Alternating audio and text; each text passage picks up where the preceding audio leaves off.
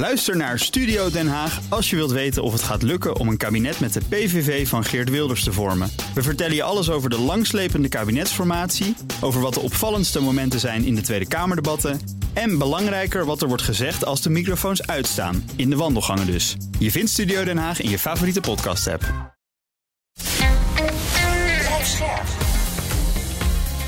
BNR Nieuwsradio. Napleiten.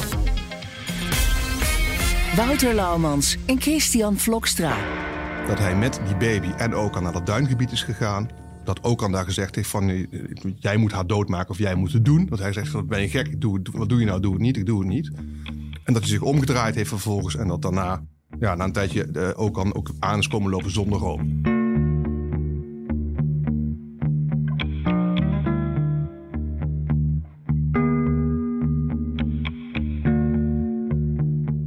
Hallo en welkom bij Napleiten, de podcast waarin we met advocaten en officieren van justitie praten over strafzaken die hen altijd zijn bijgebleven. Mijn naam is Wouter Laumans en naast me zit als gebruikelijk strafpleiter Christian Vlokstra. Welkom Chris. Dankjewel, Bout. Eerst even de huisregels. In deze podcast praten we over definitief afgedane zaken.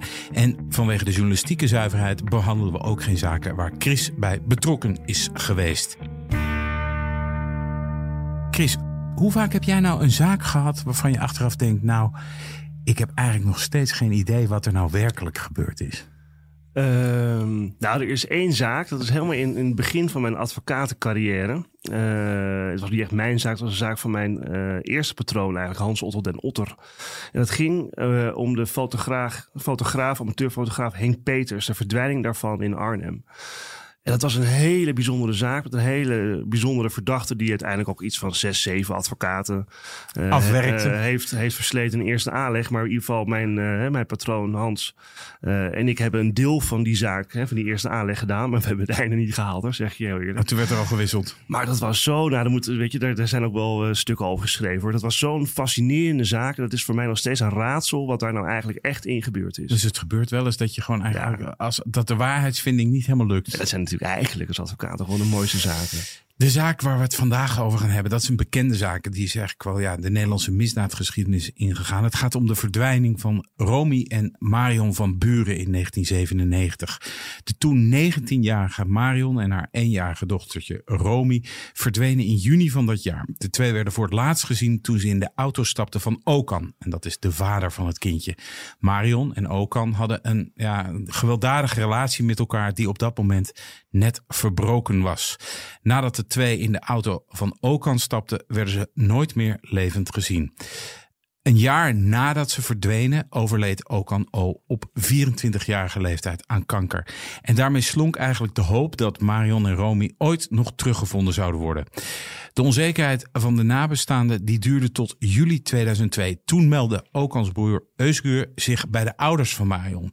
Hij vertelde waar de lichamen van Romy en Marion begraven lagen.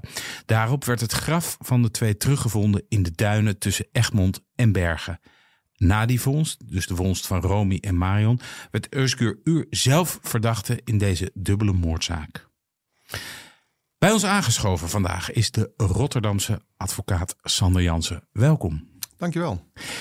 Ik wil eigenlijk heel graag nu over de zaak eh, praten, maar eh, je hebt eigenlijk politieke ambities, hè? Want je, je staat op de lijst voor de Eerste Kamer. Ja, ik sta op de lijst voor de Eerste Kamer. En 15 maart zijn natuurlijk de eh, verkiezingen voor de Provinciale Staten. En de Provinciale Staten kiezen de Eerste Kamer. Dus Ja. het is een spannende verkiezingstijd die nu gaande is. Dus eigenlijk ben jij op campagne. Campagnetour nu. Ik zou misschien wat meer op campagne moeten zijn dan ik ben nog. Daar hebben allerlei mensen allerlei ideeën over.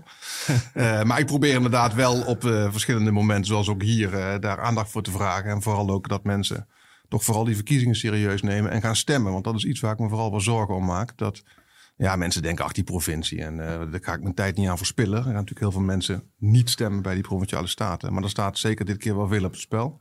Ja. Ja, alle grote problemen met stikstof en inrichting en noem het allemaal maar op. Dat is allemaal provincie. En dan heb je die Eerste Kamer er nog een keer bij, die natuurlijk over wetgeving gaat. Ja, want wa- wa- wat heeft jou besluit, doen besluiten de politiek in te gaan? Nou, in het algemeen, ik bedoel, Chris weet dat wel. We hebben daar vaker over gesproken. Ik maak me al een lang- lange tijd wat druk over de hele gang van zaken in Nederland en hoe het politiek ook gaat. Dus dat is een meer algemene regel, hè? de manier waarop we met elkaar omgaan en ook hoe uh, regering zich verhoudt tot de burger en andersom. En daarnaast uh, is ook wel aan de orde gekomen eerder, er is een enorm groot wetgevingsproject wat op gang gaat komen binnenkort. Het hele wetboek van strafvordering wordt herschreven. En op dit moment zitten er in de Eerste en in de Tweede Kamer eigenlijk geen strafrechtjuristen. En ik maak me daar wel een beetje zorgen ook om, ook met het oog op hoe het de afgelopen tien jaar gegaan is op het gebied van, uh, van strafrecht. We mogen, vragen, maar we mogen vragen, Sander, want ik bedoel, Sander en ik kennen elkaar al een tijdje. Ja, want uh, even, even voor ja. de luisteraar die dat niet weet. Sander was geloof ik ooit jouw patroon, toch? Ja, ik zal het heel kort uitleggen, want soms uh, raken we dat, dat verhaal. Ik ben ooit begonnen bij Klering en Hamer advocaten in Almere. Uh, ja. Onder het patronaat van Hans Otto den Otter. Nou, ik noemde hem net al. Uh, maar tijdens mijn stagetijd ben ik verhuisd, of ben, ik verhuisd naar de vestiging in Amsterdam. en werd ik nog een jaar, zeg maar, de stagiair van, van Sander Jans. Dus Sander Jans heeft mij eigenlijk verder het advocatenvak ingeholpen. en ik zeg altijd, en dat bedoel ik niet, niet melancholisch of sentimenteel maar ik heb eigenlijk twee advocatenvaders. Ja, los van Hans Otto, die de, Otto die de baas heeft gelegd. Maar dat zijn Sander. Uh, absoluut heb ik heel veel van geleerd. En daarna Nico Meijering van het kantoor waar ik nu natuurlijk zit, waar ik ook heel veel van heb geleerd.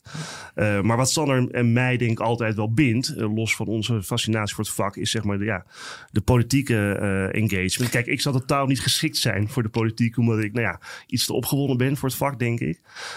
Sander denk ik is wat genuanceerder en ik kan eer tot tien tellen en, en de boel nou, wat, wat misschien wat beter benaderen. Maar mijn zo? vraag was nou, eigenlijk, Sander, om maar even op tafel te leggen. Waarom, ja. de eer, waarom niet de Tweede Kamer? Ja, nou dat is een terechte vraag die ik wel vaker heb, heb gekregen ook. Eigenlijk vooral omdat ik uh, niet wil stoppen met het zijn van advocaat. Kijk, nee. als je de Tweede Kamer in gaat, dan is dat gewoon vol tijd en nou ja, ben je daar gewoon alle tijd mee bezig. Ja. En Eerste Kamer is natuurlijk iets wat je naast je werk kan doen of zou moeten doen. Um, en dat vind ik aantrekkelijk. Dat je dus wel gewoon in de samenleving blijft staan en je ja. werk blijft doen. En daarnaast wel betrokken kan zijn in dat hele politieke gebeuren. Maar stel je, voor, stel je voor, stel je voor, hè, dus dat D66 in een volgend kabinet komt weer. En uh, nou, ze bellen Sander. Die zit wel of niet in de Eerste Kamer, maar heeft in ieder geval laten zien dat hij ideeën heeft. En zegt Sander, staatssecretaris justitie. Of misschien wel, nou minister, misschien een beetje staatssecretaris. Ja, staat, lijkt me verschrikkelijk. Dan heb je de hele asielportefeuille natuurlijk bij. Dus nou, ik, op dit moment denk ik het niet eerlijk gezegd. Ik zou nee. ook, het is ook wel in gesprekken aan de orde gekomen. Natuurlijk bij zo'n uh, bij zo'n D66. Als je op zo'n lijst wil komen, dan moet je natuurlijk allerlei hoepeltjes heen. Nou, dat, dat maar goed ook. Ja. Daar is natuurlijk aan de orde gekomen van, god, zou je dat ambiëren? En dan heb ik gezegd, nou, op dit moment niet. En ik zou het voor jullie ook heel onverstandig vinden om te doen. Want kijk eerst maar eens even of dit goed gaat, weet je, je wel. Je wordt zo, zoals dat in voetbaltermen heet, langzaam gebracht. Nou ja, ik weet niet of dat, uh, of dat precies is wat het is. Maar het is wel het is een heel leerzaam proces, moet ik zeggen. En ook daarom is het leuk om te doen. Ja. Ik moet wel zeggen dat ik nu al soort van ja, echt die politiek dingen meemaakt. Dat ik denk van dit hele proces, het is vaak zo unfair hoe dingen gaan. Niet zozeer, die, die selectie heb ik het niet over, hè, maar gewoon de manier waarop dingen naar buiten komen in de media. Waar de politiek bedreven wordt. Gewoon de politiek, hoe die bedreven wordt. Het is een dirty game. Nou, ja, laat, laat, ik één voorbeeldje noemen, wat, wat de laatste tijd dus vaak door mensen aan mij gevraagd is. Hè. Dat is dat verhaal over dat monitoren van die transacties boven de 100 euro. Daar ja. is natuurlijk iedereen woedend over. En dat vinden mensen allemaal belachelijk. En dat is allemaal komt dat nu naar buiten als iets wat de schuld is van Kaag. En dat is sowieso is alles de schuld van Kaag wat gebeurt in Nederland. Alles wat misgaat is mis. Nou, nou, Kaag. nou. Jawel, ja. nou, we hebben net een OVV-rapport achter de rug. Daar werd Kaag ja. geen één keer uh, nee, genoemd. Maar ga dat is de schuld van iemand anders. ja. Die misschien niet, maar veel dingen worden in ieder geval zo geframed in de, in de media. En wat blijkt dan als je dat navraagt? Want ik heb dus ook gevraagd. Dat is het voordeel dat je dan in één keer mensen kent. Waar je kan oh, zeggen, hoe you're zit just one eigenlijk? phone call away nu. Ja. Nou, niet, niet van mevrouw Kaag, zal ik je zeggen. Zeg, maar wel van, wel van mensen die daaromheen zitten. En dan wordt je dus uitgelegd van nee, maar dit is een wetsvoorstel wat van Hoekstra komt. Die heeft dat destijds in, in zeg maar, Ah. minder van een opdracht van de banken is hij daarmee begonnen. Kaag heeft daar vervolgens die 100 euro grens ingelegd. Want eigenlijk was het onbeperkt. Dus dat was al een soort drempeltje te laag wat mij betreft. Maar goed, is een drempeltje wat zij, in, wat zij aangebracht heeft. En zij heeft toegevoegd aan dat wetsvoorstel dat mensen anoniem moesten blijven. Dus eigenlijk heeft zij daar goede dingen mee gedaan. Nou ja, Maar ze zo hadden het wel het even moeten niet- ophogen naar 5000 of zo misschien. Helemaal mee eens. Maar zo komt het natuurlijk nooit naar buiten. Wat er natuurlijk gebeurt, is dat naar buiten wordt gebracht. Ja. Dat belachelijke D66 en die afschuwelijke Kaag, die willen ieders transacties gaan monitoren. En een partij als CDA, die natuurlijk donders goed weet hoe het zit, die vinden dat natuurlijk Ja. best. Die laat dat gewoon gebeuren. En ik heb de indruk dat dit een beetje is wat steeds gebeurt eh, als je in een coalitie gaat. Dat als je niet oplet, dat hebben we met de PvdA natuurlijk ook meegemaakt. Dat dan alle dingen die je niet voor elkaar hebt gekregen, die je eigenlijk goed wilde doen, maar die je niet voorbij je afschuwelijke partner hebt gekregen, dat daar jij uiteindelijk de schuld van krijgt. Wat, wat dat betreft lijkt het veel op de wereld die je wel eens leest in dossiers, denk ik zo. Nee, maar weet je, het is, het is, het is een weet, je waar het, slangenkuil. maar weet je waar het op lijkt? Het, is, het lijkt eigenlijk in zekere zin op een strafproces. Daarom vinden wij denk ik het ook wel aantrekkelijk. Want een strafproces als advocaat is natuurlijk ook beargumenteren, onderbouwen hè, en, en mensen overtuigen. Dat doe je natuurlijk in de politiek in essentie ook. En strafrecht kan natuurlijk ook wel een dirty game zijn. Maar er zijn wel regels en kaders en normen. En dat is denk ik... Ja, waar- waarom ik ook niet in de politiek zal passen. Omdat dat valt allemaal weg. Weet je? En het wordt zo unfair Ah, dan, wordt, gespeeld. dan wordt jouw grenzeloosheid wordt dan eh Nou ja, dat, dat, dat, nee, dat raakt mijn fru- frustratie denk ik echt overhit. Dus ik ben benieuwd hoe jij dat gaat hanteren Nou, dat- ooit. En precies daarom zou het, denk ik, eh, zou ik het zelf heel interessant vinden om zo'n Eerste Kamerstap Ja. te kunnen zetten. Om Ook eens om te kijken, inderdaad, wat, hoe, hoe gaat dat nou en hoe ga ik daarmee om? Want ik merk wel dat ik dus de oneerlijkheid van zo'n frame, daar kan ik dus verschrikkelijk over opwinden. Dan denk ik van, dit is gewoon helemaal niet waar. Wat. Ja, Ja. Twitter, Twitter. En de media, de media. Ja, dat vind ik ook maar vrouw roept, kom naar bed. Nee, nee, nee, ik moet nog... Nee, maar niet de media doet dit niet. hè. De media is het, is het, is het, is het, eh, het, vehikel, podium, ja. het vehikel waarmee het gebracht wordt. De politici doen dit zelf. Ja. En het akelige is dat, dat, dat het dus wel heel breed gebeurt. En eigenlijk hoe meer, je, hoe meer je je erin verdiept en hoe meer je ervan ziet... hoe vaker je ziet dat eigenlijk de manier waarop het naar buiten wordt gebracht... gewoon helemaal geen recht doet aan hoe het in werkelijkheid is.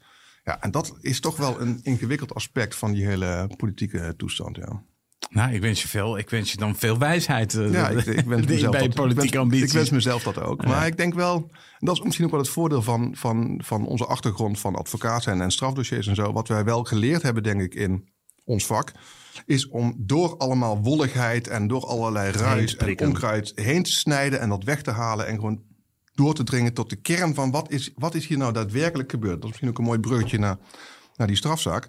Uiteindelijk gaat ons werk heel vaak over de vraag: kunnen we nou vaststellen wat is er nou gebeurd toen der tijd met deze verdachte en dit slachtoffer en met deze mensen allemaal? En dan ben je ook heel vaak bezig met het wegpellen van allemaal dingen eromheen. En, en Ja, wat is bewijs, wat is veronderstelling, wat is vermoeden, wat is invulling, wat is een feit. Ja, hè? Dat dat. is... eh, Ja. En beargumenteren vervolgens. Dat, is natuurlijk, dat helpt natuurlijk En ook in het overtuigen. debat, ja. Ja. En overtuigen. We gaan naar de zaak van vandaag. Wij vragen altijd onze gasten van nou, eh, kies een zaak. En jij hebt eh, deze zaak gekozen. Waarom? Ja. Nou, misschien wel vooral om het punt dat we, dat we zojuist noemden. Hè. Het, het punt dat het een zaak is die, die me altijd bijgebleven is. Waarvan ik nog steeds af en toe denk van ja, we zijn er gewoon niet achter gekomen wat er nou precies gebeurt. Er zit, een zekere frustratie nog. Ehm, er zijn ook heel veel dingen bij elkaar gekomen die later ook een rol zijn gaan spelen. Je hebt dat, het was een zaak aan het begin van mijn carrière. Ik had met, met patroon te maken, die, die, met wie ik samen optrok. Daar heb ik allerlei dingen van geleerd. Er is alles gebeurd in de loop der jaren. De media speelden een belangrijke rol in die zaak. Peter de Vries leerde kennen in die zaak. Die kwam daar voor het eerst op de proppen. Er was de, de, de, de ouders van Marion en Romy, die hebben heel veel contact gehad met de media. Omdat ze natuurlijk ja, wilden weten wat er met hun dochter en kleindochter gebeurd was. Dat speelde een enorme rol in die zaak. Dat leverde weer een hele aparte dynamiek op. Ook weer met Gerard. En daar speelden gewoon zoveel dingen bij elkaar. Dat het een hele ja, boeiende zaak voor mij was. En altijd is gebleven ook. Want ho- hoe kwam die zaak bij jou terecht? Want eh, je was nog niet zo oud toen je dit, toen je dit ging doen. Nee, nou, sterker nog, ik heb dus terug zitten lezen. En ik was, het ik was het eigenlijk vergeten. Maar die zaak is binnengekomen in september 2002. Toen was ik net drie maanden advocaat. Ehm, dus ik was net begonnen pas. En ik, ik, kan me vaak nog wel herinneren dat hij binnenkwam. En ik weet nog dat Gerard zich heel erg druk maakte over wat er gebeurde. Want die, die Usguur die had, had zich dus inderdaad gemeld. Had dat verteld. En die werd later dus als verdachte opgepakt. En vanaf dat moment werd ik erbij betrokken. Een paar maanden later was dat. Ehm, en hij, Gerard heeft eigenlijk al heel snel gezegd van... oké, prima, nou, jij, gaat, jij, gaat, jij gaat mij helpen met deze zaak. En dat betekende al snel hij zei van... ja, ga maar, ga maar getuigen horen en ga maar mensen oproepen... en ga maar dingen doen. Wacht even, we moeten even, want Sander noemde nu volgens mij vier keer eh, Gerard. Eh, en ik weet natuurlijk wie Gerard is. En Jongens, jij weet dat Chris waarschijnlijk drukt ook op wel. het belletje. Hè? Ja, omdat ik, omdat ik op een gegeven moment Eh, dacht jij van... moet wel met je tengels van mijn belletje Ja, excuus Wouter. Maar ik dacht, ja, ik ben even scherp. Nee, maar kijk, eh, Sander zit gewoon, hè, die zit lekker te... Maar heel veel mensen weten natuurlijk niet wie Gerard is. Dus- Gerard Hamer. De- Gerard Hamer, dat is de, de grote naamgever van, hè, van Kleren Hamer Advocaten. En het was een heel bijzonder figuur. Ik bedoel, google hem maar eens een keer. Dan, hè, dan vind je mooie artikelen over hem. Eh, ik heb hem ook nog heel kort meegemaakt. Een half jaar ongeveer. Eh, nadat hij, eh, want toen ik, ja, ik werkte een half jaar daar en toen overleed hij. Ehm, maar Gerard was wel iemand die, zeg maar, eh, geval zoals ik hem kende. Jij kent hem veel langer. Je gewoon erin kon gooien. Ja. Toch? Nou ja, zeker. En dat, dat blijkt ook hieruit wel, wel weer. En ik had me eigenlijk, ik eigenlijk vergeten dat dat zo gegaan was. Die heeft inderdaad toen gezegd van nou prima joh, ga maar, ga het maar doen. En ga maar, ga maar getuigen maar oproepen. Ga Maar maar had hij er al eerder al te maken met die zaak met, eh, vanwege die Okan, Nou ja, eh? Ja, Gerard had die, die Okan O al eerder bijgestaan. Die Okan was natuurlijk een hele moeilijke jongen ehm, die eh, gewelddadig was. Een leven als crimineel eigenlijk leiden, toch? Ja, leven als crimineel leiden. En eh, eh, ook aan het eind van zijn leven, toen hij zo heel erg ziek was, ehm, eh, nog een overval heeft gepleegd en nog op mensen geschoten had. Ja, want hij is in de gevangenis overleden, Ja, hè? maar hij ja. zat dus niet vast toen voor die verdwijning van die twee, maar gewoon voor een andere zaak. Voor een andere zaak. En dat heeft ook in mijn, eh, zeker als je dat allemaal een beetje recapituleert, jaren later, dat heeft ook Gerards positie in die zaak, denk ik, wel gekleurd. Omdat Gerard had meegemaakt hoe, hoe die ook al in de laatste periode van zijn leven dus gevangen werd gezet en verhoord werd. En ik weet nog dat hij mij ook vertelde, daar was hij verschrikkelijk boos over. Dat ook al die werd opgepakt, die was toen al heel erg ziek. Die had ook heel veel pijn door die ziekte. Die kreeg geen medicijnen, die werd niet geholpen. Die werd urenlang gehoord. Maar die werd gehoord over die zaak van... eh, Over iets anders. Over iets anders, Of iets ja. anders, of een, een andere schietpartij. Dus die, en echt een verhoor van 's morgens 9 tot 's avonds 10. Echt, op dat niveau. Maar de politie wist natuurlijk ook dat hij verdacht werd van het wegmaken van. Hè, van Zeker. Dus het is, ik vind het dan toch altijd moeilijk om medelijden met zo iemand te Nou hebben. ja, dat goed. klinkt heel onaardig, maar dat. Nee, dat, ik begrijp dat wel. Maar kijk, voor Gerard, die werd, er, die, die, die werd erbij geroepen. Althans, die werd er in eerste instantie niet bijgeroepen. Die jongen die bleek te hebben gevraagd om Gerard. En hebben ze hem pas veel later laten komen.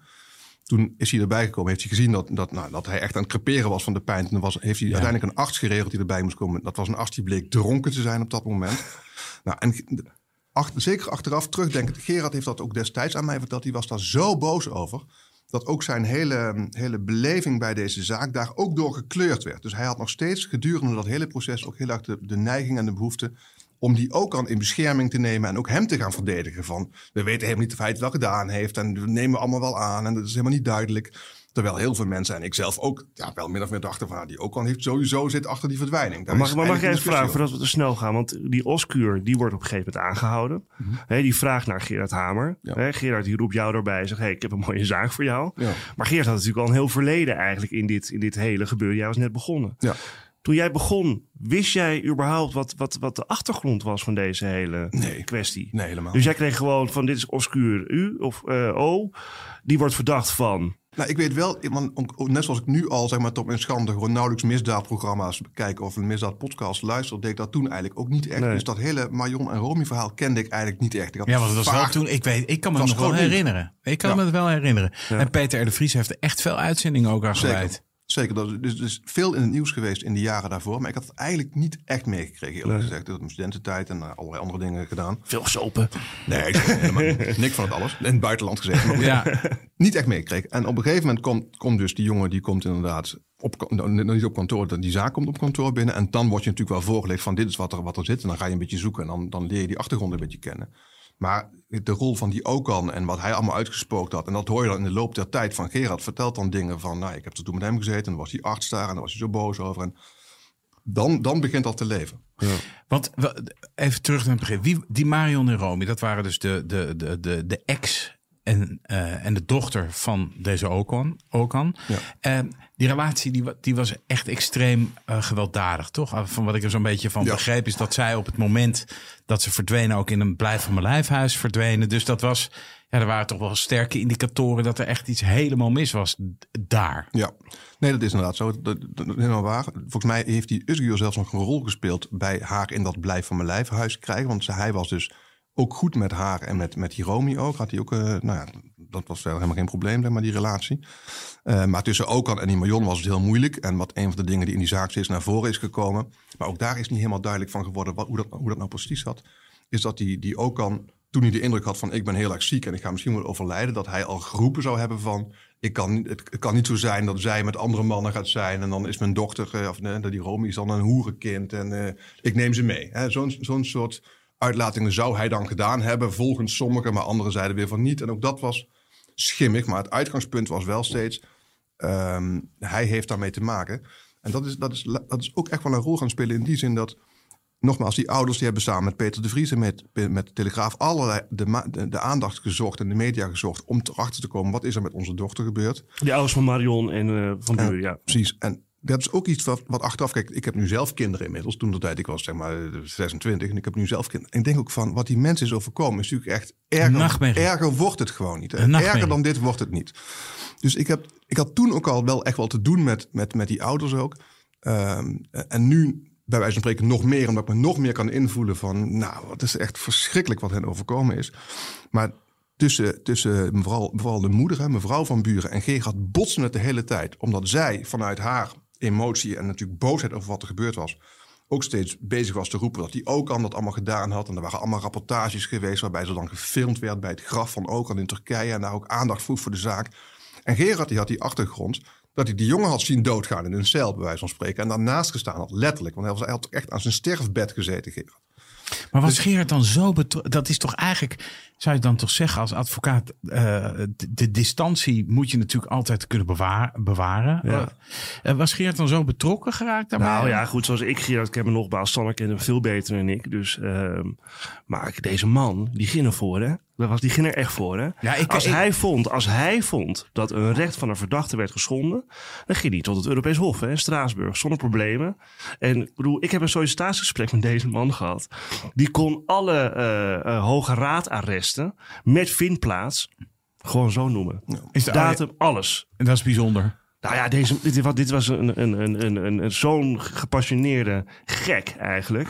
Maar wel gewoon uh, altijd, altijd bezig met die rechten van die verdachte. Hoe heftig ja, de context uh, uh, tegen die verdachte ook was. Ja, en wat hij ook heel erg had, en dat, dat, dat herken ik wel een beetje, dat hij bijna een soort natuurlijke neiging had om zich aan de kant van de, van de underdog te scharen. Dus altijd aan de kant van de zwakken te gaan staan. En ook op het moment dat zo iemand bij wijze van spreken echt de meest vreselijke dingen had gedaan. Iedereen eigenlijk zei van Gerard, nou, dit kan toch echt niet wat hier gebeurt. Dus dan ging, ging, kwam er een tandje bij, zeg maar. Dan ging hij dan nog meer dat op die manier doen. Ja, want hij hield ook wel van provoceren. Hij hield zeker ook van provoceren. Maar wat, wat hier denk ik ook echt gebeurt, en dat, dat, dat kennen wij denk ik ook uit ons vak. Kijk, wij zien natuurlijk, wij zien natuurlijk vaak de mens achter de verdachte. Hè? Mensen in de mensen die, die via de media zaken volgen, die, die lezen wat iemand gedaan heeft. En daar baseren ze hun beeld op van zo iemand. Net zoals jij ook zegt van, hey, ik vind het eigenlijk niet zielig voor hem, want kijk wat hij gedaan heeft. En dat is heel begrijpelijk.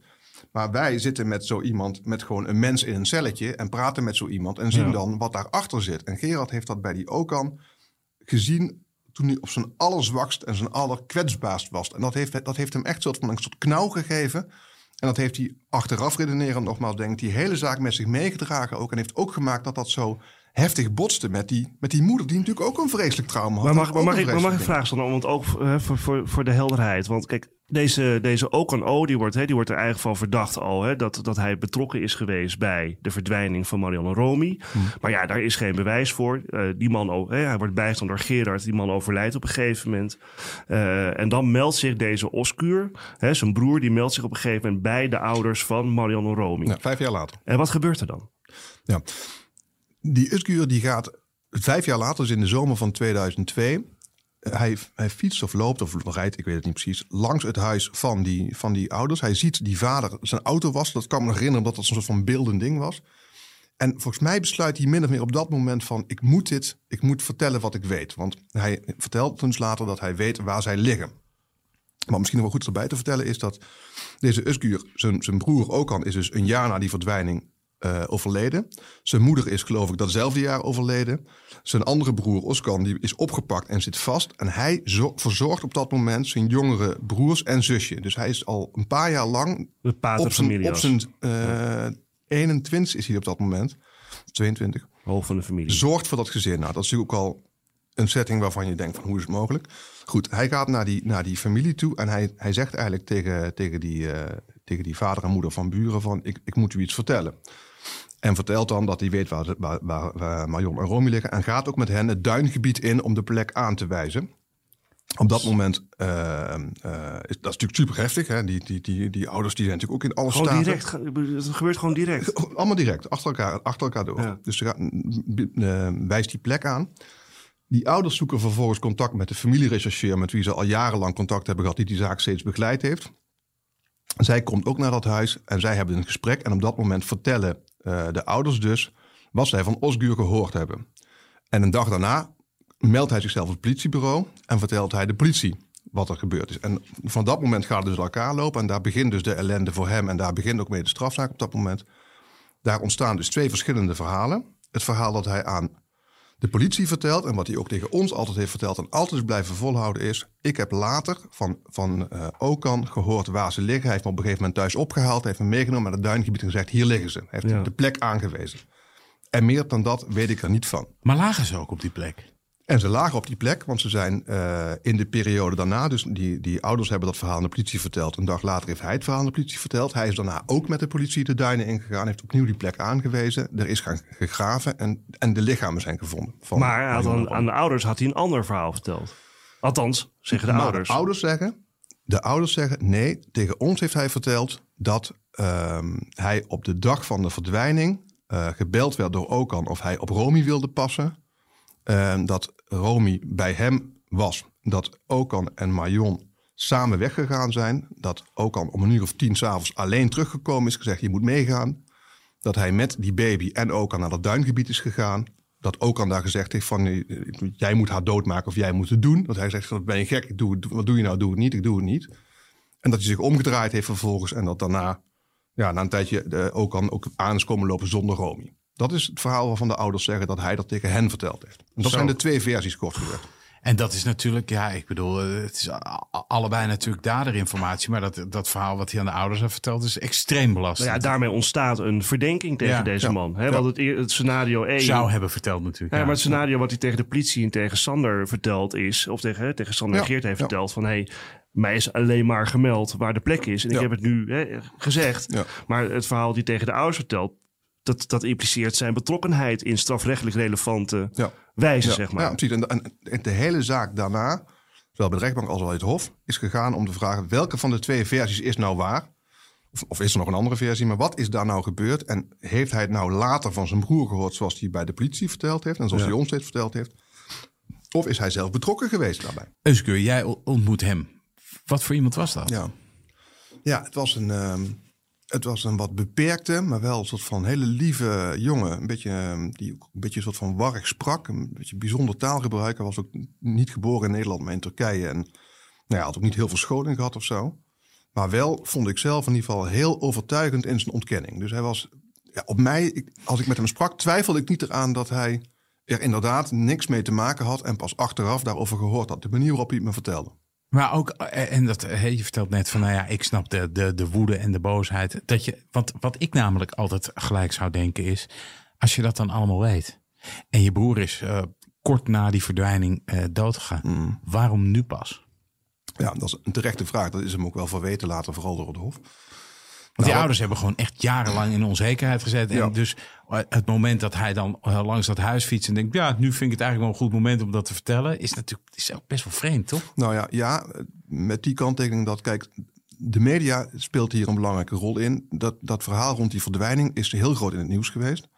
Er is ook in de tijd daarna veel aandacht voor geweest. En steeds is daarbij gezegd, die ook al die zit erachter. Dus die naam van, van hem en ook zijn familie werd daarmee steeds genoemd. En zij hebben als familie dus ook meegemaakt dat ze continu vanuit de media in de gaten werden gehouden. Ik geloof een jaar of twee jaar later werd die Oscar dan een keer opgepakt. Dat stond gewoon met een kleurenfoto op de voorpagina van een telegraaf. Een hele andere zaak, hè? Maar van ook hier heb je die familie weer, een beetje zo. Dus er speelde... Eigenlijk, maar misschien ook wel reden om te zeggen, nou dan vertel ik het maar snel, dan zijn we er vanaf. Nou ja, heeft hij niet gedaan. Kijk, moet wel ook beseffen, hij was 17 hè, toen, dit, toen het allemaal gebeurde. Dus echt nog super jong. Hij was hoofd van een familie hè, op dat moment. Inmiddels was ook aan dood, was zijn moeder dood, zat zijn broer vast. Um, ja, het, ik denk die angst voor die media, dat kan ik me nog wel herinneren, dat zat er ook heel diep in. Ook bij andere mensen van de familie. Ze waren zo bang dat ze weer dat hele circus ingetrokken zouden worden, waarin ze keer op keer echt journalisten aan de deur zouden hebben, letterlijk. En ik zeg dat niet om naar de media de schuld te geven, want dingen gaan zoals ze gaan. Maar vanuit het perspectief van die familie, met name vanuit hem. Uh, hij wilde zijn jongere broertjes beschermen, hij wilde zijn zusje beschermen. Er was verder niemand meer die, die hen hielp. Ik, snap, ik snapte dat wel, eerlijk gezegd. Maar Sander, mag ik vragen? Want ik, ik bedoel, deze man vertelt jou zijn verhaal. Hmm. Jij gelooft hem, zeg je. Weet je? En dan word je op een gegeven moment geconfronteerd hè, in, in dat onderzoek met de verklaring van de ouders. Die echt een heel ander verhaal hebben. En, en precies, en daar komt het moeilijke Hoe ben je daarmee omgegaan? Daar komt het moeilijke punt. En daar, daar, hoe ben je mee omgegaan? Dat is eigenlijk nooit beter geworden. En ik geloofde die ouders dus ook. Als ik met die ouders sprak, dacht ik van... Ja, wat die ouders zeggen klopt gewoon. Maar jij, dus met die ouders verzin je niet. Maar sprak jij met die ouders? Nee, als ik, ik, ik heb ze als getuige, als getuige nee, oké, okay, ja, okay, okay, meegemaakt. Ja, ja. En ik heb een stuk tig keer gezien. Ja. Of tig keer, maar ieder geval meermalen gezien. En los daarvan, ik dacht ook van ja, waarom zouden die ouders dit nou gaan verzinnen? Dat, dat, je verzint dit niet. En, nee, je precies... voelde ook geen rancune of zo, dat je dacht van... Nou, ik vond dat in ieder geval niet aannemelijk. En eh, dat is van, eh, in die strafzaak is dat wel aan de orde gekomen. Dat Gerard dus onder andere ook betoogd heeft. Omdat hij gewoon inderdaad vol erin ging. Van ja, misschien dat die ouders hebben hadden gedacht dat ook al het gedaan heeft. Dus misschien hebben ze het verhaal gewoon een beetje aangedikt of wat dan ook. En dat vond ik eigenlijk helemaal niet zo. Maar daar komen we zo meteen nog wel. Weet je, hoe dat verder gaat. Maar we zijn vooral benieuwd, eh, of althans ik ben heel benieuwd. Je wordt geconfronteerd voor het eerst met je cliënt. En ik ken dat, hè, dat je je cliënt een verhaal vertelt. Nou, wij hebben nog eens een keer zo'n zaak gehad, maar daar gaan we een andere keer wel over hebben. En je gelooft hem, weet je, hoe hij het vertelt, alles. En dan word je geconfronteerd met een andere verklaring die daar toch wel diametraal tegenover staat. Ja. En dan moet je met die verklaring naar weer je cliënt toe. Zeg je, ja, dit verhaal ligt er ook. Ja. En helemaal lijkt me helemaal ingewikkeld als jij dat verhaal ook gelooft. Nou, nee, dat is ook heel Hoe ja. ging dat? Hoe, hoe reageerde hij erop? Kan je daar iets over zeggen? of niet? Nou, wat ik, me, wat ik me ervan kan herinneren is dat hij dus vrij heel stellig was van nee, maar het is gewoon onzin wat ze zeggen. En dat zeggen ze alleen maar omdat inderdaad eh, ze boos zijn op Okan. En ze hebben ons altijd de schuld gegeven, een beetje zo. Maar ja, ik, ja, ik heb steeds daarvan gedacht, Dit verzin je niet. dit verzin, dit verzin je dus ook niet. Weet maar ja, je moet wel hem verdedigen.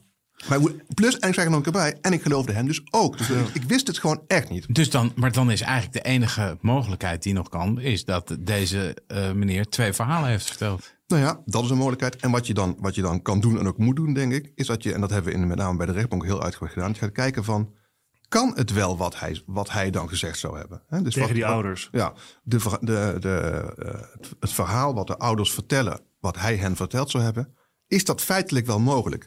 En ik weet niet hoe ver we uitgebreid dat kunnen doen, maar uiteindelijk hebben we daar heel veel onderzoek naar gedaan. Dat maakt het ook zo'n bijzondere zaak. Maar ja, ik vind wel, wat, wat voor onderzoek kon je daar, kon je, heb je Ja, gedaan? want je hebt Nou, feiten en omstandigheden die van vijf jaar terug dateren. Dus telefoongegevens. Wat, wat, wat, kon je, wat konden jullie nog aan echt substantieel eh, bewijs daarvoor eh, vinden? Nou, was er, was, nog? er was nog best wel wat bewijs in die zin dat die ook al door zijn gedrag wel onderwerp van onderzoek was in die periode ook een aantal keer. Dus er waren bijvoorbeeld wel telefoongegevens en daar bleek dan bijvoorbeeld uit dat er, dat er geen registratie was van een telefoongesprek van Okan naar Usguur op geen enkele manier. Dus ook niet via de vaste lijn, de mobiele, wat dan ook.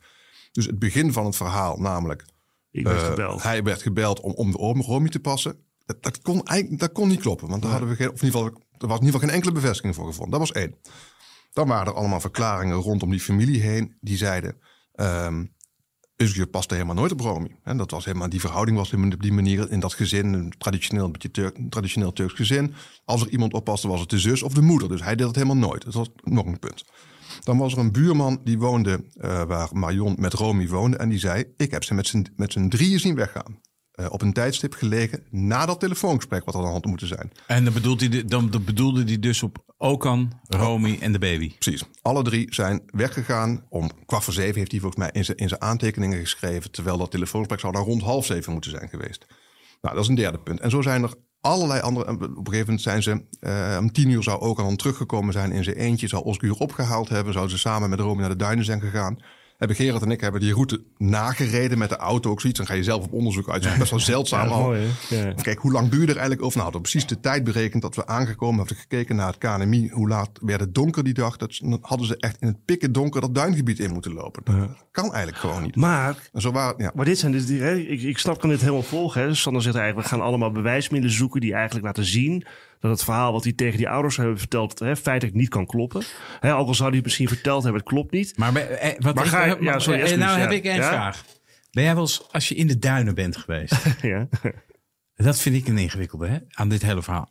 Als, je, als ik in de duinen ben geweest en je zou mij zeggen van je moet je route teruglopen. Ja, waar het is geweest, waar het Nou, was. als ik, stel, ik heb in de duinen van Bloemendaal ge- gewandeld drie weken geleden. Als je mij die route nu zou laten nalopen, zou ik hem niet meer. Ik zou het gewoon niet meer weten, omdat die duinen lijken op elkaar. Deze man wist natuurlijk wel feilloos van ze liggen daar. Ja. Dat is natuurlijk wel heel erg Of belastend. het Nou ja, een vrij kenmerkende plek zijn. En volgens mij is dat niet waar. Volgens mij had hij iets van vier plekken aangewezen. Oké. Dan dat weet ik, dat ik niet helemaal precies weet. Maar ik geloof niet dat hij de één... Ze hebben meerdere plekken gezocht toen. Maar even oké. verdedigingstechnisch, hè, de vraag is vervolgens natuurlijk, ga je ook, en dat, en ik voel volgens mij ook dat daar wel een beetje spanning tussen Geert en jou in zat, maar dat moet je vooral zelf vertellen. Mhm. Ga je ook die verklaringen van die ouders aanvallen?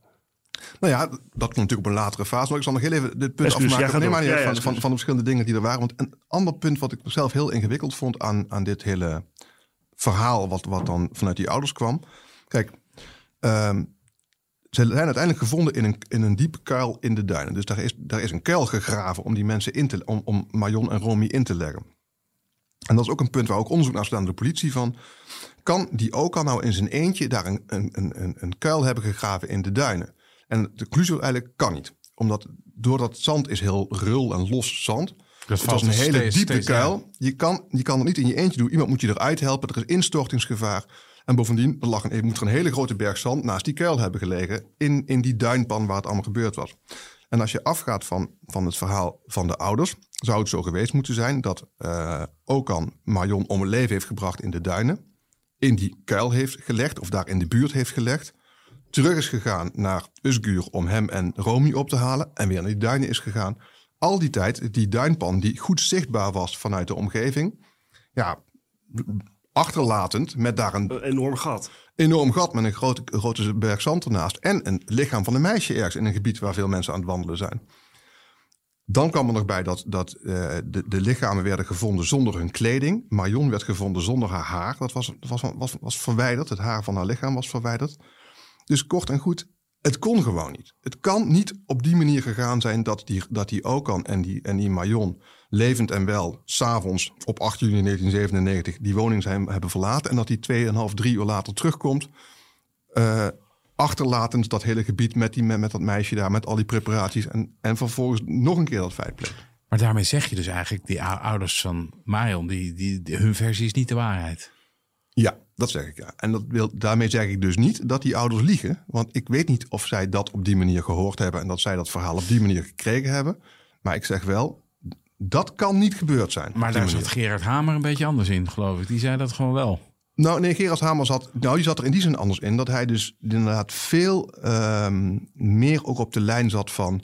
Ja, die ouders die hebben dat verhaal een beetje gemaakt. Of ze hebben het aangetikt. Of, of ze liegen er inderdaad gewoon over. Ja, die ging er gewoon harder in. Die ging er echt aanzienlijk harder in dan ik. En ik heb, nou dat weet Chris, ik heb, ben van mezelf al wat softer. Ik vind altijd, als advocaat moet je daar, moet je daar voorzichtig, moet je voorzichtig in zijn. Maar Maar, je vond het ook niet nodig. ik vond het ook... Verdedigingstechnisch. Omdat je dacht, ik kan het met de arg- andere argumenten ook ondervangen. Namelijk hè, al die elementen die er zijn. Hè, die dat verhaal sowieso ja, niet mogelijk maken. Ja, maar kijk, wat, wat hier, en dat, dat is ook een heel mooi verschil tussen hoe de rechtbank naar de zaak gekeken heeft aan het Hof. Uiteindelijk als rechter is ook de vraag, ben je nou bezig met te proberen te reconstrueren? Wat is de waarheid geweest? Wat is er precies gebeurd? Op, op grond daarvan beslissingen te nemen? Of ben je bezig met het onderzoeken van bewijsmiddelen die je kan gebruiken in een vonnis om tot een beslissing te komen? En een van de grote verschillen tussen rechtbank en hofprocedure is dat de rechtbank daar veel uitgebreider mee bezig is geweest dan het Hof. We hebben ook een schouwgas, zoals het dan heet. We zijn met de rechtbank in die duinpan geweest. Daar had de politie op dat moment opnieuw een kuil gegraven. Zodat je zo kon zien vanaf de rand van zo'n duinpan... dat je van een grote afstand daar een hele grote kuil kon zien liggen. En dat heeft allemaal bijgedragen aan, aan, de, aan de overtuiging van de rechtbank van... Dit, dit kan zo niet gebeurd zijn. Jij was, eh, je was niet zo lang advocaat. eh, en dan zit je met een zwaargewicht als eh Gerard Hamer. En als die van alles zegt, dan heb je, ja, je bent een jonkie. En dan heb je natuurlijk ook wel een beetje te voegen naar eh, de- de- je patroon, patroon toch? Ja. aan. Of, of, Stonden je- samen op zitting ook en zo? Ja. Ja, want hoe, hoe, wer- hoe is die dynamiek? Kan je dan zeggen, nou Gerard, wat je nou doet, dat, daar ben ik het echt niet mee eens. Wat- was rustig, dat- Gerard. Is dat de verhouding? Nou, zeker in het begin niet. Nee, want ik, nee. bedoel, ik, was, ik was echt wel goed met Gerard. En op een gegeven moment kon ik heel veel tegen hem zeggen. Maar dat was al niet in het eerste half jaar zo zijn geweest. Ehm, ik moet zeggen, bij de rechtbank speelde dat ook iets minder. Daar hadden we gewoon al dat onderzoek gedaan. Met name waar we nu over hebben. Dat feitelijke onderzoek op grond waarvan wij, vond ik met heel goede argumenten, konden zeggen van... Dit, nou, dit kan niet zo gebeurd zijn. Ik weet wel dat Gerard ook een soort van half niet-ontvankelijkheidsverweer heeft gevoerd... over hoe slecht de politie dat aangepakt. We hadden ook samen dat pleidooi, ik heb dat teruggelezen natuurlijk. Daarna ook nooit meer gedaan op die manier. Samen een pleidooi geschreven waarbij ik dus soort van dingen had getypt... en hij had er wat dingen bij getypt. En dan zie je ook echt dat het begint er een soort van heel genuanceerde zin... en dan komt er dan aan een enorme beuk achteraan van... kan toch niet dat nou op die Ja. manier? En wat hij dan wel heel, heel charmant deed... dan was ik op een gegeven moment ook dan een stuk pleit... en dan kwam echt het lelijke deel, dan nam hij niet over. Dus dan ging hij zeggen, het ontvankelijkheidsdeel, Ah, ja, ja, ja. dat nam hij dan voor zich Good cop, bad cop noemen ze dat. Een beetje wel. Een beetje wel. Ehm, Maar je mocht wel eventjes, eventjes gewoon vanuit advocatenplezier. Hè? Want eh, Het lijkt mij, eh, eh, plezier lijkt mij in deze zaak, lijkt me dat... advocatenplezier. Ja, ja, hè? Hebben we, ja, hebben het wel eens vaker over gehad. Weet je, kijk, ik bedoel, ook een rechter. Hè? Wieland zei het ook, ook een officier. Het hartje gaat sneller kloppen bij dit soort fascinerende zaken. Hè? Waarin waar echt fascinerende bewijsvraagstukken ook spelen. Ehm, eh, ik kan me zo voor, jij mocht heel veel doen waarschijnlijk in die zaak. Qua, Heel veel. Ja. Nee, echt. Het is toch wel geweldig hoor, als je Ja, drie ja. maanden advocaat bent, eh, Sander. Het is ongelooflijk achteraf. Zeker Ja. nu ik zelf zeg maar, een stuk ouder ben en natuurlijk jongere co- collega's hebben kantoorgenoten. En Zou jij, dat, zou jij dat ook doen? Nou, niet, op, op zo'n manier zou ik dat denk ik niet aandurven. Nee. nee. Nee. Gerard was natuurlijk wel een stuk, nog een stuk ervaren dan ik nu ben. Maar ik kan me, ik kan me nog goed herinneren dat ik, ehm, dat ik, dat ik in zo'n, in zo'n Dix-autootje hadden we toen, hè, die huurautootjes Ja, ja. in Amsterdam. Dat ik door die, door die, hoe heet dat ding, de Wijkertunnel of zo richting Alkmaar reed. En dat ik dacht van, mijn god, weet je, ik moet nu die mensen gaan ondervragen. En Gerard liet dat allemaal gewoon gebeuren. Doe, doe maar, zet hem op en het komt goed. En weet je zo, ja, kon het allemaal doen. Eigenlijk alles behalve de zittingen was hij dan wel, was hij bij. En hij werkte ook echt mee en we hadden heel veel overleg. Maar gewoon de uitvoering zelf, dat liet hij gewoon. Liet hij gewoon. Ja. En waren die ouders van Marion van, van, Marion van Buren ook altijd bij bij die zittingen? Nou, ik, ik, ik kan me niet meer goed En Peter herinneren. de Vries en... en ja, Wel, wel natuurlijk bij de inhoudelijke behandeling. Of dat ook bij de performance zo was, dat weet ik niet meer. Dat kan me niet herinneren. Maar bij die latere zittingen zeker. Waren het beladen zittingen? Ja, het waren hele beladen zittingen. Ja, het waren hele beladen, ook ook, ook door, door natuurlijk dat media-aspect. Maar ook dus, wat, wat we net over hadden, hè, de, de, de spanning tussen aan de ene kant met name de, de moeder ehm, van Marion. Die daar zo fel in zat en die natuurlijk woedend was op alles en iedereen over wat er gebeurd was. En Gerard, die, die had ook al een verhaal nog gehad waar we net over hadden. En dat botste de hele tijd. Dat vond ik ook ontzettend ongemakkelijk. Omdat ik nogmaals Die hadden al eigenlijk een verleden natuurlijk al we hadden, hadden een verleden wat dat betreft. En ik had, ik had ontzettend te doen met die ouders. Weet je. Ik, ik, ik, En nog, nu nog veel meer. Maar toen dacht ik ook al van, het zal je toch overkomen? Dit was een, wat een drama. Ja. Wat was eh, eh, het verweer van jou? Was dat gewoon, eh, hij had een alibi? eh, het kan niet zo gegaan zijn? Maar ja. Nee, het, het verweer was de onderdelen die we net besproken hadden. Enerzijds feitelijk, dat we gezegd hebben van kijk, de, de lezing die de ouders gegeven hebben, dat, dat kan niet, het kan niet op die manier gegaan zijn. Dus de- we, hebben niet, we kunnen de waarheid niet ontdekken in die verklaring. We hebben natuurlijk ook gezocht naar hoe kan het nou dat die ouders iets anders vertellen. Nou, je hebt de, de, de gestrekbeen variant van eh, ze verzinnen het gewoon. Dat was niet mijn oplossing. Ik, had meer, ik zocht het meer ook in miscommunicatie. Die jongen die sprak ook heel onduidelijk en warrig. En, en, en Misschien de emotie wel- van het je wat ik moment. zat te denken toen jij dit zo vertelde? Ik dacht, misschien had hij het wel over een andere derde. In plaats van over zichzelf. Ja, Weet je? al- alles is mogelijk. Ja. Ja, maar je gaat nadenken. Omdat, kijk, juist omdat ja, nog steeds onduidelijk is wat er nou precies gebeurd is. Ja, ja. Ja. alles is mogelijk. Dat was, dat was in ieder geval één, één kant van het verhaal was, dat kan niet kloppen. En de andere kant was heel juridisch, dat is misschien nu minder interessant. Maar de, ehm, het gaat nog steeds om de vraag, kijk, zelfs al zou hij dat meisje naar de duinen hebben gebracht, maakt dat hem dan Ja. deelnemer aan zo'n moord. Hè? Want, want hij wilde die- het ook echt niet. Die broer die was ontzettend gewelddadig, ook naar hem toe. Ik geloof dat hij zelf door zijn broer in zijn been was gestoken, niet heel lang daarvoor bij een ruzie. Dus de, vraag is ook een beetje, had hij onder die omstandigheden iets anders kunnen doen dan zeggen, doe het niet, doe het niet en proberen het tegen te houden? Mag ik vragen, want je zei die rechtbank zat er heel actief in. Hè? Je hebt ook een schaal gehouden en van alles. Zat hij nog wel vast tijdens de... Hij zat vast in eerste aanleg, ja. Eh, maar kun je iets over die rechtbank vertellen? Tijdens die feitbehandeling, hoe, hoe, hoe dat ging? En of je het idee kreeg van, nou, dit gaat wel de goede kant op. Nou, wat ik, wat ik vooral kijk, ehm, en dat is ook iets wat, wat waar net jullie een beetje op doelden, denk ik. Kijk, ehm, in eerste aanleg heeft Özgür heel uitgebreid ook zijn verhaal aan die rechtbank verteld. Dus we zijn heel uitgebreid met hem in, met, in, in gesprek gegaan ook. En hij heeft daar, zoals hij ook tegen ons steeds gedaan heeft, op zijn, vond ik zelf, overtuigde manier duidelijk gemaakt van, ja, maar ik, ik heb hier echt niks mee te maken. En wat ik erover verteld heb, is, is, is wat, zo is het echt gegaan. En wat, ik, weet niet, ik weet niet wat, hoe het misgegaan is met, met die ouders, maar dat, dat verhaal klopt niet.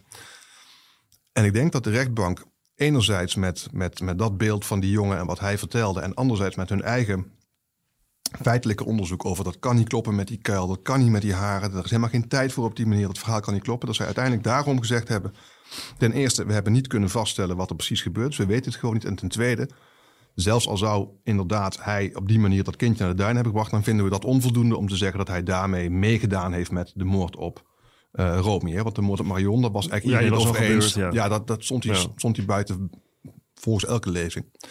En wat er later bij het, bij het Hof is Dus hij werd vrijgesproken door de rechtbank. vrijgekomen En bij de hoe ze- rechtbank. nou, dus, maar dit was dus jouw eerste eigenlijk echte grote strafzaak. En had je vrijspraak te pakken. Ja. Dat- dat- Ik dacht van, oh, zo gaat het dus. Ja, Ja, maar, even, maar laten we hier even wel serieus even op inzoomen, Sander. Want dit is, Dit is, natuurlijk dan zit je fascinerend. Hoe, ja, want hè, ze vragen vaak een advocaat, van, ja, ze vragen, ben je nou blij als iemand wordt vrijgesproken? Mhm. Was je nou blij toen hij werd vrijgesproken? Niet los van of hij het gedaan had, ja of nee, maar gewoon wat, ook met die ouders en, en Nee, ik, al- ik, ik, ik was, ja, ik was blij dat hij was vrij, eh, vrijgesproken. Omdat ik wel de, echt de overtuiging had van linksom of rechtsom heeft deze jongen dit allemaal nooit gewild. Heeft hij daar niks aan bijgedragen. Hij, hij hoort niet veroordeeld. hoe heftig ook voor die ouders. Dit is Hoe de heftig juiste- voor die ouders. de Maar ik, en uitkomst. ik, Ja. ik- ja, ik was wel nou, nog steeds omdat ik dacht van eh, eh, wat er ook precies is gebeurd. Hij behoort niet als, als ja, mede veroorzaker van die moord te worden aangemerkt, dat, is, dat doet hem geen recht. Dus ik was daar blij om. Ja. Het OM ging een hoog beroep. ja. Eh, en toen kwamen er, eh, kwam er opeens nieuwe, eh, nieuwe feiten op tafel. Wat, wat, wat, was wat werd, er, werd er in die beroepsprocedure? Wat was er anders? Nou, wat er vooral veranderde in die beroepsprocedure. over het bewijs is eigenlijk weinig nieuws toen gebeurd. Want we hadden alles wat we konden doen, alle getuigen die we konden horen, alles wat we konden bedenken, hadden we bij de rechtbank wel al gedaan.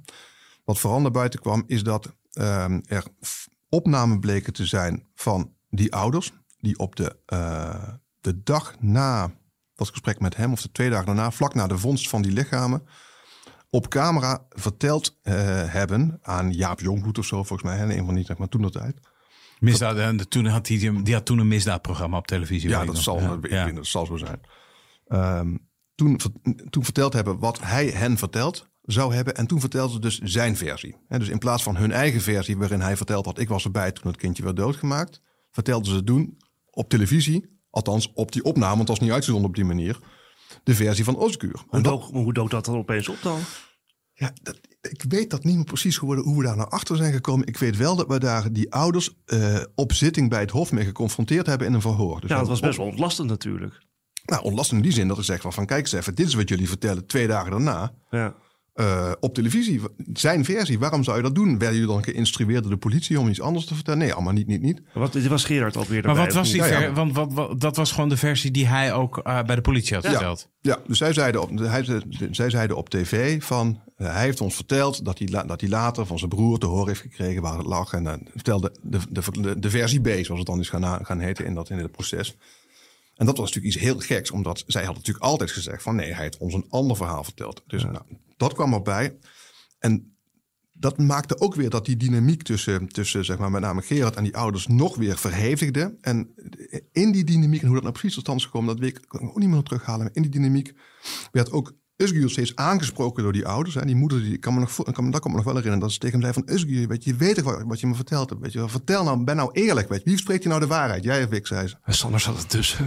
Ik zat daartussen en Gerard die, die, ging, die, die ging daar ook tussen. Nee, de, de getuige mag zich niet tot de verdachte richten en moet, eh, hou- moet haar mond houden. En, en hij gaat niks meer zeggen. Het was echt gewoon een zitting in hoger beroep zoals je het eigenlijk niet zoveel meemaakt. Maar Nee. gewoon vol energie, vol, dynamiek. Ja, vol dynamiek. Peter de Vries was daarbij. Die, eh, zijn cameraman die van de Spek was erbij. Die speelde ook nog op een gegeven moment nog een rolletje. Had ook weer contact met mensen. Nou, het was één grote... Hoe vond je het om... om het, Kluwen. eh, want je bent dan net advocaat. hoe, hoe was dat om... En Peter R. de Vries was toen echt al een naam. gelauwerd zwaargewicht in de misdaadjournalistiek, zullen we zeggen. Maar hoe, hoe was dat om, met- om daarmee te dealen? Of- of- Stond je daar ook een beetje naar te kijken van... Goh, oh, dus zo werkt dit. Nou ja, eigenlijk, ja, eigenlijk wel een beetje. Wat ik veel dingen in mijn, le- dingen in mijn leven achteraf blijft wel doe. Dat ik er gewoon een beetje ingestapt ben en denk van... Oh, Peter de Vries, oké. nou ja, zijn programma's keek ik ook niet eerlijk gezegd. Nee.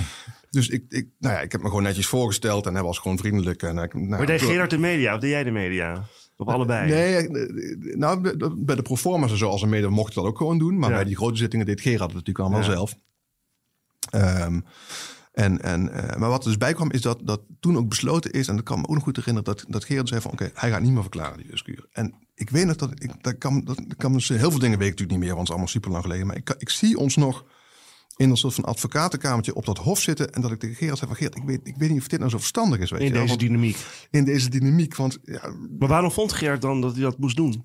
Om gewoon van het gezeik af te zijn of zo? nou, nee, nou, om hij- het om heel, heel plat te zeggen. Hij wilde ook niet echt volgens mij meer. Hij was ook soort van een beetje dichtgeklapt en, en, Klaar. moe, eh, en klaar ermee. En ook een beetje obstinaat misschien wel. Door van dan zit ik hier weer en toch ook een beetje... ja, ik, ik, ben, ik ben toch vrijgesproken, waarom moet ik dan nog een keer wat een onzin? Een beetje zo.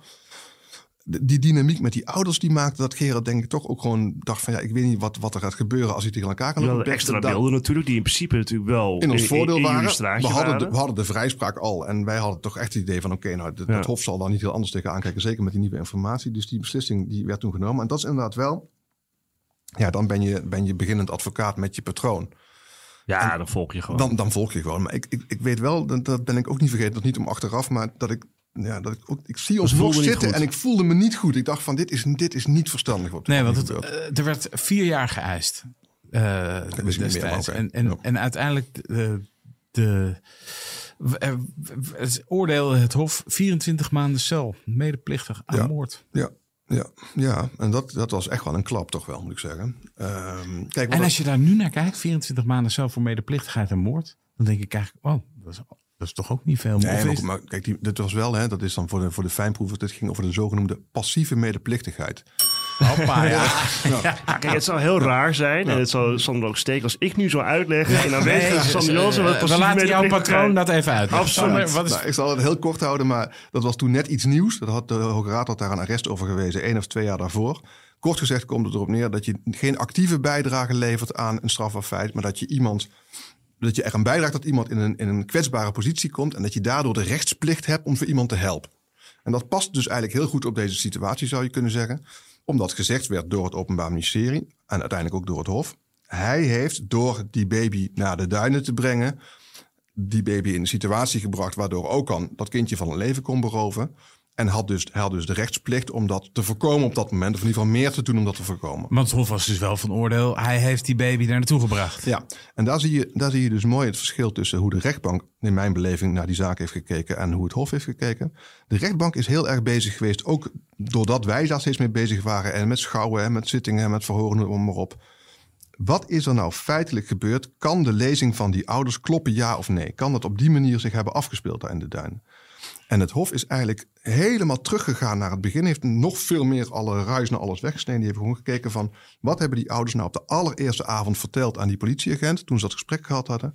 Wat is er vervolgens door de politie teruggekoppeld aan weer een andere agent? Wat is dan op papier gekomen? En is dat wat ons betreft een, een betrouwbaar bewijsmiddel? En ze hebben gezegd, ja, we denken dat dat wel betrouwbaar is. Dus dat is op die manier gegaan. Want in die zin, dus die verklaring die ze hebben afgelegd bij de politie... was dus nog voordat ze dat interview bij Jaap Jongbloed Ja. hebben gezet. Dus, dus dat is eigenlijk het uur-u van Ja, wat destijds absoluut bronmateriaal. Waarbij dan wel, hè, dat Oké. als een van de, ook van onze kritiekpunten, is dat na al die jaren met al die heftige emoties, de politie is daar jaren mee bezig geweest. En ook die politie Alkmaar, die hebben alles geprobeerd, hè, credit to them, om, om, die, om, die, eh, om Marion en Romy te vinden. Dan melden die ouders zich met het verhaal wat er ons nu is overkomen. Er is een broer van Okan is bij ons gekomen en die heeft vertelt waar, ze, waar, waar, waar de lichamen liggen. En dan gaat één politieagent zonder opnameapparatuur daar naartoe. En die, maakt wat in het aantekeningen in een boekje. Dat wij ook gedacht hebben van... En, En dat is dan een doorslaggevende bewijs. en dat is dan een doorslaggevend bewijs. En ergens snap je het ook weer wel, want de emotie van het moment en hoe het dan gaat. Aan de andere kant denk je van, oh, had- dat nou zorgvuldig vastgelegd? Had daar opnames van gemaakt? Had dat nou... Je ziet het inderdaad wel eens van die handgeschreven dingen in de strafdossier. Ja. Dat je denkt, wauw, dit is gewoon echt je de kunt op een, van een bierfilmpje. een nog- notitietje kan het verschil betekenen Ja. als levenslang of niet. Maar mijn vraag was in, in retrospectief het zwijgen van hem in hoger beroep. Hè, want je zei, ik had er moeite mee met die beslissing van Gerard, dat hij zei hij gaat zwijgen. Ja. Heeft dat meegespeeld, denk je? Ja, Bij je gevoel. Je gaat een beetje gevoel- zitten draaien op Ja. je stoel nu. Ja. ik- draai letterlijk, Dat is ja. lekker dat ik hem een beetje ken. Ik weet wat de moeilijke vragen ja, zijn. ja. Nee, ja, goed. Ik, ik, ik vind ook, het moet niet zomaar achteraf natrappen. En, eh, Nee, ik ga niet natrappen. Het, is, het, zijn, het zijn gewoon... Nee, maar ja. ja. nou ja, in, de, in de overtuiging heeft dat denk ik een rol gespeeld. Ja. Ja. Ik, ik, vond, ik vond het een onverstandige beslissing. Omdat ik, Dat werd heel ik- ongemakkelijk waarschijnlijk. Het werd ongemakkelijk en, en, en dat Hof was natuurlijk ook gewoon, die wilde ook gewoon horen hoe het zit. Die wilde hem ook gewoon eh, kunnen confronteren. En ik vond hem juist op de zitting bij de rechtbank en ook naar ons toe zo overtuigend steeds. Ik was elke keer als ik ging twijfelen aan wat er nou gebeurd is en misschien is hij er dan toch bij betrokken geweest, dan sprak ik met hem, dacht ik van nee, hij, zat, hij heeft er echt niks mee te maken. Ik, ik was echt. En, Ja, dat, en dat, die twijfel dat werd moet het- ook een rechter voelen, hè? Door de overtuiging van die verdachte. en dat, dat hebben we het Hof op zekere hoogte ontzegd, die mogelijkheid om dat te doen. En dat heeft denk ik wel een rol gespeeld. Ja, ik denk het wel. Hoe liep je het hof uit deze keer? Ja, kijk. Ik vond, het, ik vond en vind het, het een, een- een onverkwikkelijke beslissing. Eh, om, om twee redenen. Kijk, we, we weten nog steeds niet wat daar gebeurd is. De, de lezing van versie A, de lezing van de ouders, dat is niet op die manier gebeurd. Het kan niet met die kuil. Het kan niet met het begraven. De tijdpad kan. Het kan gewoon niet. Er is iets anders gebeurd. Het waren allemaal indicaties dat er misschien anderen daar een rol bij hadden gespeeld. Dat het op een andere manier gegaan is. Misschien op een ander moment wel. Wat natuurlijk voor ons in die zin belangrijk was, dat dat ook zou betekenen dat het hele verhaal. Usguur brengt het kind daar naartoe en dat Niet kind zou op dat moment kloppen. klopt niet. Nee. Dus nou, dat vond, ik, vond en vind ik heel frustrerend. En ik vond ook frustrerend, want dat is meer zeg maar, de juridische frustratie. Ik dacht van, ik vond, ik vond de, de beslissing van het Hof om, om deze gedraging als die vorm van passieve medeplichtigheid aan te merken echt onterecht. Omdat ik dacht, die Okan had natuurlijk ook gewoon bij dat huis van Usguur kunnen zeggen, mag ik mijn baby terug? En vervolgens dat kind kunnen meenemen. Had niets uitgemaakt voor de hele gang van zaken. En die, die Oscar die kon echt niks veranderen aan die situatie. Maar jullie zijn naar de Hoge Raad geweest, neem ik aan. naar de Hoge Raad Daarover, geweest. over het Ja. juridische punt Ja. die passieve medeplichtigheid, maar niet... Nee, dat is afgewezen. Nee. Ja, nee. En ik heb, wat een zaak zo. ja, en ik heb, ik, heb, ik, heb, ik heb dus nog steeds, ik, wil zeggen nog steeds, ik heb jarenlang, ik maak altijd zittingsordners zoals je weet, hè, waarin ik maar de belangrijkste stukken bij elkaar voeg. Die heeft nog jarenlang in Amsterdam op mijn kamer, eh, toen ik nog hier in Amsterdam zat, eh, achter me gestaan. Echt letterlijk in de kast achter me. En als het goed is, is het nog steeds bewaard. Ik heb dat nog steeds, omdat ik nog steeds denk van, we, we weten het nog steeds niet. We zijn er nog steeds niet achter gekomen wat er nou precies gebeurd is. Ja. Sander Jansen, enorm bedankt eh, voor dit verhaal en voor je komst naar de studio. Dit was Napleiten. Het arrest in deze zaak is na te lezen op rechtspraak.nl. Mijn naam is Wouter Laumans en naast me zit co-host advocaat Christian Vlokstra. Deze podcast is te beluisteren op Apple Podcasts en Spotify. Vergeet u vooral niet te abonneren, dan bent u op de hoogte als er weer een nieuwe aflevering online staat. Verder zijn we te volgen op Twitter en Instagram. Dank voor het luisteren en heel graag tot de volgende keer.